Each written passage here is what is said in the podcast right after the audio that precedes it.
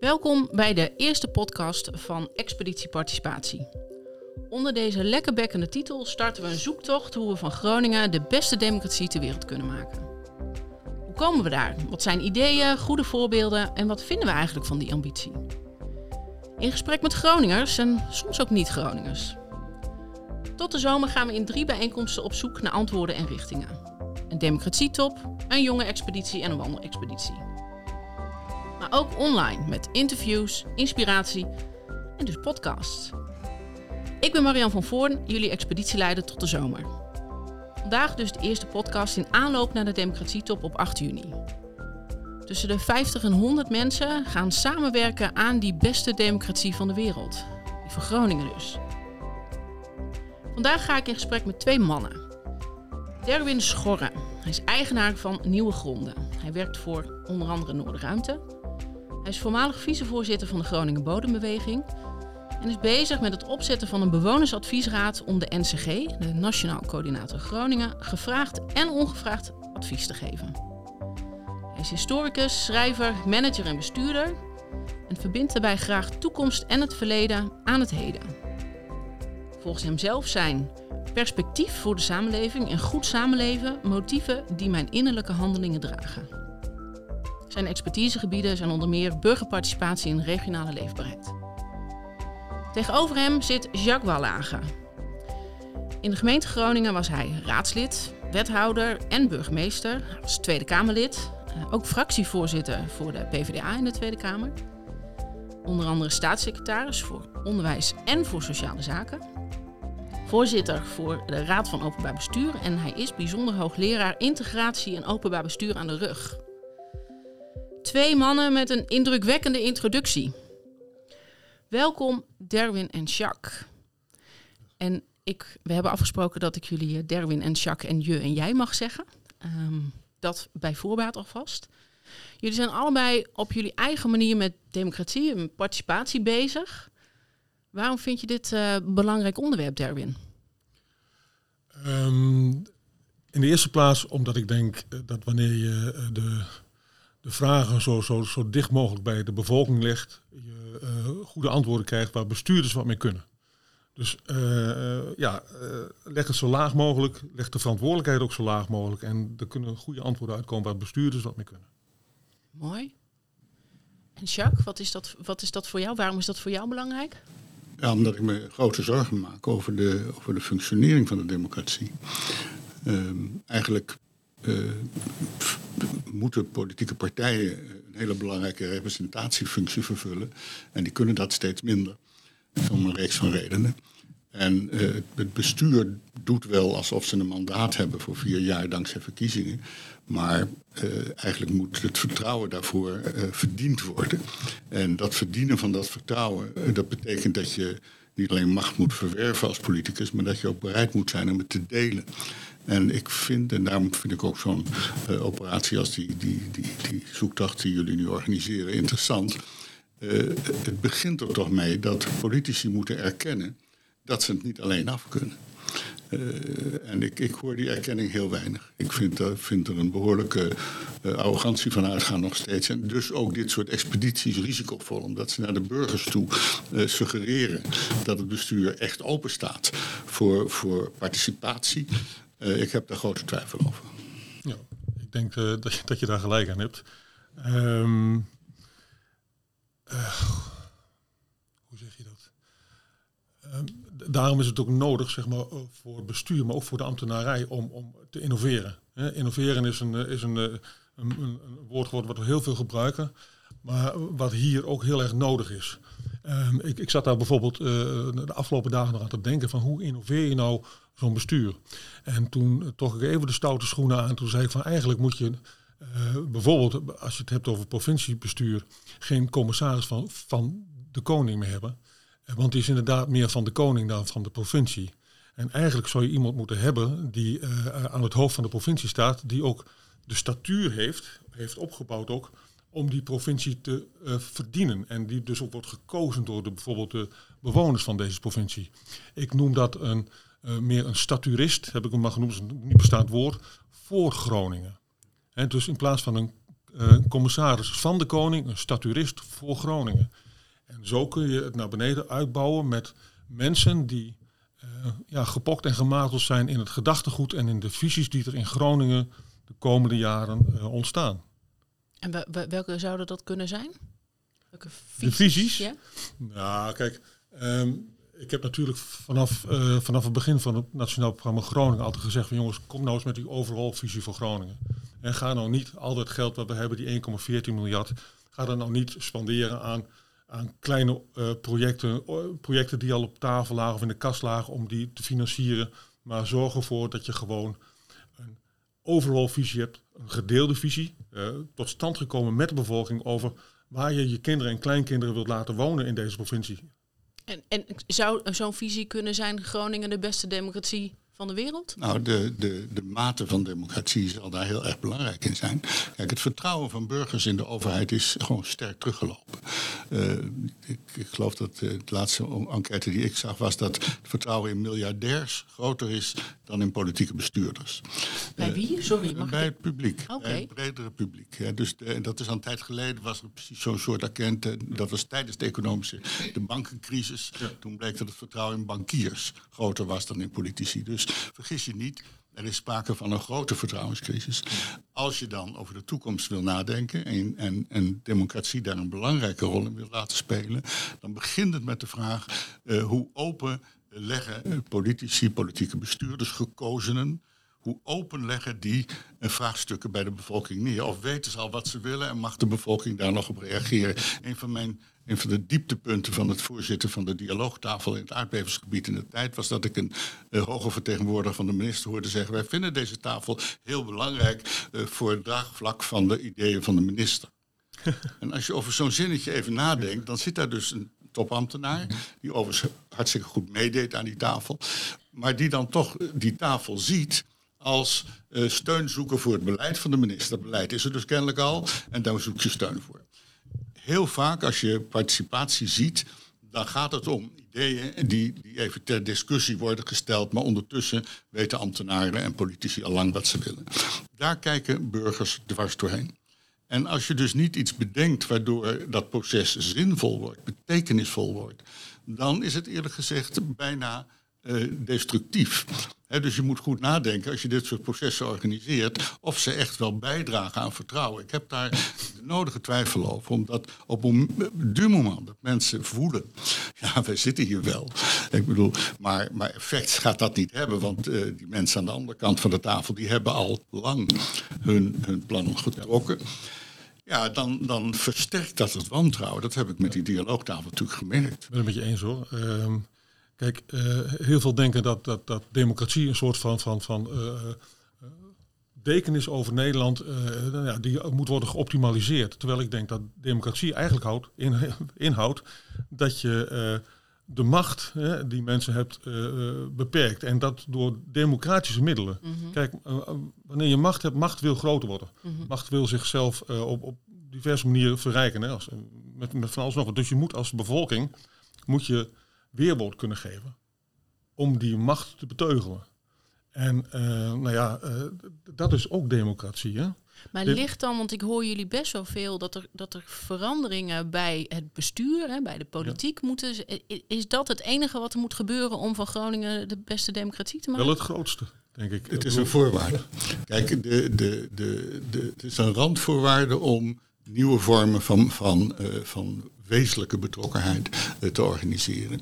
En ik zie die randvoorwaarden op dit moment eigenlijk niet vervuld. Te veel, niet alleen in Groningen, zijn dit soort participatieprocessen speeltjes van het bestuur, terwijl het bestuur ondertussen gewoon doorwerkt. En het is dus een soort randvoorwaarde, een soort startpositie. En eigenlijk zou uit zo'n proces, wat jullie nu organiseren, moeten tevoorschijn komen dat het weinig zin heeft om door te gaan, als niet aan een aantal uh, openheidsrandvoorwaarden is voldaan. Eén daarvan is dat een collegeprogramma uh, dat leidend is voor zo'n college uh, opengebroken moet kunnen worden als in de dialoog daar overtuigend naar wordt gevraagd. En ik, ik, denk dus dat, dat de, de, zaaltjes waarin je met mensen gaat zitten, of de verkenning die je pleegt op straat, of de, de route die je loopt door een wijk, allemaal interesseverhogend zijn, maar daarmee nog niet democratie verbeterend Derwin, jij noemde net al eventjes die, uh, nou, de, de commissaris van de Koningin niet meer, of misschien ook. Dat staturist voor Groningen. Staturist voor Groningen en voor Drenthe en voor Friesland, ja, ja, neem ik aan. Um, als je nu door je oogharen kijkt, en we hebben het over die beste democratie van de wereld, dat is dan Groningen. Hoe ziet het er dan over tien of over vijftig jaar uit? Hè? Heb je daar andere ideeën nog bij? Um, nou ja, we hebben dus dan een, een, een, een een provinciale uh, overheid hier, uh, maar ook gemeentelijke overheden die van doordrongen zijn dat je door de bevolking te vragen naar hun mening en ze mee te laten denken over voorgenomen beleid, je tot beter beleid komt. Mm -hmm. um, dat je uh, vertegenwoordigers hebt, volksvertegenwoordigers die de bevolking op nummer 1 zetten en niet meer in deze geëconomiseerde samenleving bijvoorbeeld het bedrijfsleven op nummer 1 zetten. Um, en dat je de menselijke maat behoudt bij alle dingen die je doet.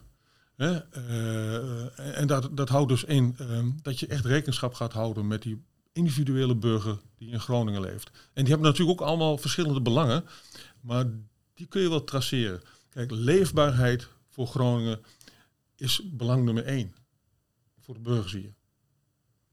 En hoe ziet, wat merken dan, eh, los van het vertrouwen, wat, wat doen uh, Groningers dan anders in over 50 jaar? Heb je daar een beeld bij? Uh, nou ja, wat ik hoop is dan, dat Groningers meer hun mond opentrekken dan ze nu doen. Hè? Uh, Groningers zijn bescheiden, zijn zeer intellectuele mensen, maar wel een beetje te bescheiden. Dus ik hoop dat er een, een, een, een, een flow ontstaat waarin Groningers ook hun mond weer open willen doen. Want ze weten dat de bestuurders daar iets mee gaan doen. Ja. Hè? Dus het is, het is, het is een, een, een, een ja, een wederkerigheid. Uh, bestuurders luisteren naar de, de bewoners en de bewoners uh, uh, nou ja, geven hun, hun mening, hun advies en daar wordt iets mee gedaan. Ja. Op het moment dat daar niks mee gedaan wordt, dan is dat vertrouwen weg en wordt er gewoon ook niet meer geluisterd en niks niet meer gesproken. En Jacques, over 50 jaar, hoe ziet Groningen er dan democratisch uit voor jou? Dan, dan weten gekozen vertegenwoordigers, want het blijft natuurlijk in de democratie een belangrijk, belangrijk onderdeel, maar een onderdeel, uh, die weten dat ze uh, bescheiden moeten zijn. En dat ze programma's moeten maken die niet zeggen we gaan dit en dit, dit doen, maar waarin staat dit zijn de vijf grote vraagstukken die wij proberen op te lossen. Dit is de richting waarin wij denken dat het moet gaan. En we gaan onderdeel een proces organiseren waarbij burgers mee aan het stuur zitten. En dat klinkt simpel, maar dat is een, een volstrekte revolutie in de manier waarop uh, politici en ambtenaren nu werken. Uh, ambtenaren werken voor hun bestuurders en bestuurders werken voor hun politieke positie. Uh, de, en dat, dat is een drijfveer die ons gebracht heeft waar we nu zijn, namelijk politieke partijen zonder gezag en volksvertegenwoordigers die heel snel wisselen en daarmee geen greep hebben op wat ambtenarij doet. Dus over 50 jaar is lang hoor, om, te, om na te denken, te kijken. Maar over 10, 15 jaar zou ik hopen dat we dan een, een consensus kunnen bereiken over wat zijn dan onze vijf grote vraagstukken. Want leefbaarheid is er zeker één van, werk is er ook één van. Uh, maar werk hoeft niet het werk te zijn wat het nu is. En we kunnen mensen die nu absoluut niet aan de bak komen uh, helpen. En, en in een positie plaatsen dat ze zinvol maatschappelijk werk doen. Dat zijn inhoudelijke veranderingen die vragen over een visie op uitkeringen en een visie op, uh, op, op betaald werk en een visie op delen van werk. Uh, een grote verandering. Die veranderingen uh, alleen maar doen langs de lijn van wetgeving en langs de lijn van politieke besluitvorming brengt ons, heeft ons gebracht in de crisis waarin we nu zitten. En ik denk dus dat we, willen we daar uitkomen, dan moeten we op ieder van die hoofdpunten een, een, proces organiseren waarbij we eigenlijk als politiek zouden zeggen, we kunnen voorlopig even niet verder totdat we met u zo hebben gesproken dat we tot een lijn zijn gekomen met elkaar. Dat is dus een manier van besturen die fundamenteel afwijkt van waar we nu zitten. En ik hoop dat we daar terechtkomen, want het, het, kijk, het alternatief dat kun je altijd in Amerika bekijken. Daar zie je wat er gebeurt op het moment dat de politiek niet meer bereid is om serieus samen met de bevolking te werken. Ja. Zijn daar, hebben jullie daar voorbeelden? Hoe, hoe kunnen we dat dan doen? Want het, het, het is een proces in gang zetten. Um, het is. Uh, uh, een cultuurverandering, hè? Kijk. Uh, we maken het dus praktisch. Nou ja, Wat kunnen we morgen nou ja, doen? Wat kunnen we over een jaar doen? Praktisch. Nou ja, ik, Wat doe jij? ik, ik wil het tot praktisch aangeven, maar dan via een, een beetje een metafoor die ik al eens genoemd heb. we zitten nu in een soort van warenhuis, hè, waarin je uh, eigenlijk maar voor één ding gaat en het warenhuis is geld verdienen. Want dat wil een warenhuis. Mhm. En dat liefst gewoon top-down, want de, directie weet wel hoe dat warenhuis moet worden gerund. Ik wil naar een waardenhuis gaan, waarin je gewoon als dat een fundament heeft hè, waarop het gebouw staat, maar dat fundament bestaat uit waarden. En je gaat de waarden bepalen, ecologisch, sociaal, ook financieel. Maar die ga je met z'n allen bepalen. Dan ga je met z'n allen dromen. En dat, dat dromen, dat is het dak wat, wat het huis komt. En tussen het fundament, de waarden en het dak, de dromen, ga je bouwen. En dat kan uh, op allerlei manieren zijn. En dat kan in, allerlei bochten gaan. Maar je wilt naar die droom komen. En, en dat zijn de programma's, de projecten. En dat zijn de, uh, de, de zaken waarin de politiek zich dan uh, overuit moet spreken in samenspraak met de bevolking hoe we daar komen. Maar heb je zo'n bouwsteen, kun je het al concreet dat je denkt, daar, daar ben ik, nou, daar, dat, dat vind ik wel... Het, het NPG-geld, eh, dat, dat heeft me natuurlijk uh, vanaf het begin af aan verbaasd. dat je daar zeg maar niet uh, die goede basis bij verzint. Dat fundament waar ik het net over had. En die, die, die, die grote, allesomvattende droom die je als Groningers toch kunt hebben over waar het naartoe moet. Ik heb de indruk dat bijvoorbeeld bij zo'n nationaal programma Groningen nu te veel alleen maar het middenstuk wordt gebruikt. Hè. Eh, dat zijn de programma's en, de, en, en de, de, de frames, de programma's en projecten. Dus daar zijn we mee bezig. Mhm. Maar ja, met een kleine aardbeving ligt dat ook omver. Mm hè? ja. En daar moeten we dus voor oppassen. Je moet het, uh, het uh, veel meer holistisch bekijken. Een huis heeft een uh, fundament nodig, een huis heeft een dak nodig en een huis heeft een frame nodig. Visie, droom, helemaal eens. Toch nog één één probeersel. Jacques, heb jij een, een voorbeeld ja. waarvan je zegt dat kunnen we morgen of volgend jaar uh, doen? We hebben natuurlijk het groot in Groningen met twee referenda en, en de, de, invulling van een belangrijk stuk binnenstad eh, mee laten beslissen door de bevolking. Ik geloof heilig dat dat referendum ook op het niveau van de wijken een belangrijke rol zou kunnen spelen feitelijk is het besteden van geld tot dusver voorbehouden aan de gekozen vertegenwoordigers. Je zou van een heleboel geld kunnen zeggen dat geldt voor onderhoud, dat geldt voor groen, maar dat geldt zelfs ook voor veiligheid. Dat je op buurtniveau uh, zorgt dat je daar besluitvorming over organiseert en niet door alleen maar simpel uh, een, een, een, een, verkiezing te organiseren, maar ook door van tevoren de keuzes met, met mensen te bespreken. Mijn ervaring in Groningen is als dat kleinschalig gebeurt, kom je daar ver we hebben, eh, ik, deel overigens de, de kritiek van op de besteding van de middelen in, in het, aardbevingsonderwerp. Maar we hebben bijvoorbeeld eh, als dialoogtafel het geld van de NAM over buurt- en clubhuizen uh, besteed in dorpen in samenspraak met de bevolking daar. Dat kan dus prima. Alleen wat er moet gebeuren is dat de bestuurders van tevoren besluiten dat zij niet de enigen zijn die daarover gaan. En ik, ik denk dus dat die wisselwerking van wij willen die kant op, we denken dat dat goed is. Daarover ook spreken met de mensen, kijken of dat draagvlak voor is. En vervolgens zeggen, nu gaan we dat niet meer eenzijdig aan de politieke kant beslissen. Maar we gaan elke keer opnieuw kijken hoe we daar fysiek draagvlak voor vinden. Dat dat, dat kan. Alleen dat vraagt dus wel een, een geesteshouding, een, een, cultuur, een bestuurscultuur, die we op dit moment niet of nauwelijks hebben. Nou, een mooie uitdaging volgens mij. Uh, we zijn er nog niet bij die, uh, die beste democratie van de wereld. Nee. Dank. En, en, trouwens, een beste democratie van de wereld, uh, dat Groningen wil zijn, dat kun je natuurlijk nooit alleen zijn als Groningen. Dat, dat, dat moet Zeker. dan in grote verband. En je mag ook een ambitie stellen. Hè? Ik Zeker, hoor nee. jullie net zeggen dromen, visie. nou, volgens mij is dit een mooie droom. Ja. Derwin, Jacques, dank jullie wel. Uh, dit was al de eerste podcast van Expeditie Participatie. En nogmaals dank uh, voor het meezoeken naar uh, richtingen, naar oplossingen, delen van jullie ervaringen. De volgende podcast gaat over de jonge expeditie. En dan gaan we in gesprek over jongerenparticipatie. Binnenkort komt deze ook online. hou de website in de gaten of meld je aan voor de nieuwsbrief. kijk ook op expeditieparticipatie.nl. Kun je je ook nog aanmelden voor de nieuwsbrieven en voor bijeenkomsten. Nogmaals dank. Luisteraars, dank jullie wel voor het luisteren naar deze eerste podcast. Laat weten wat jullie ervan vonden en tot de volgende keer.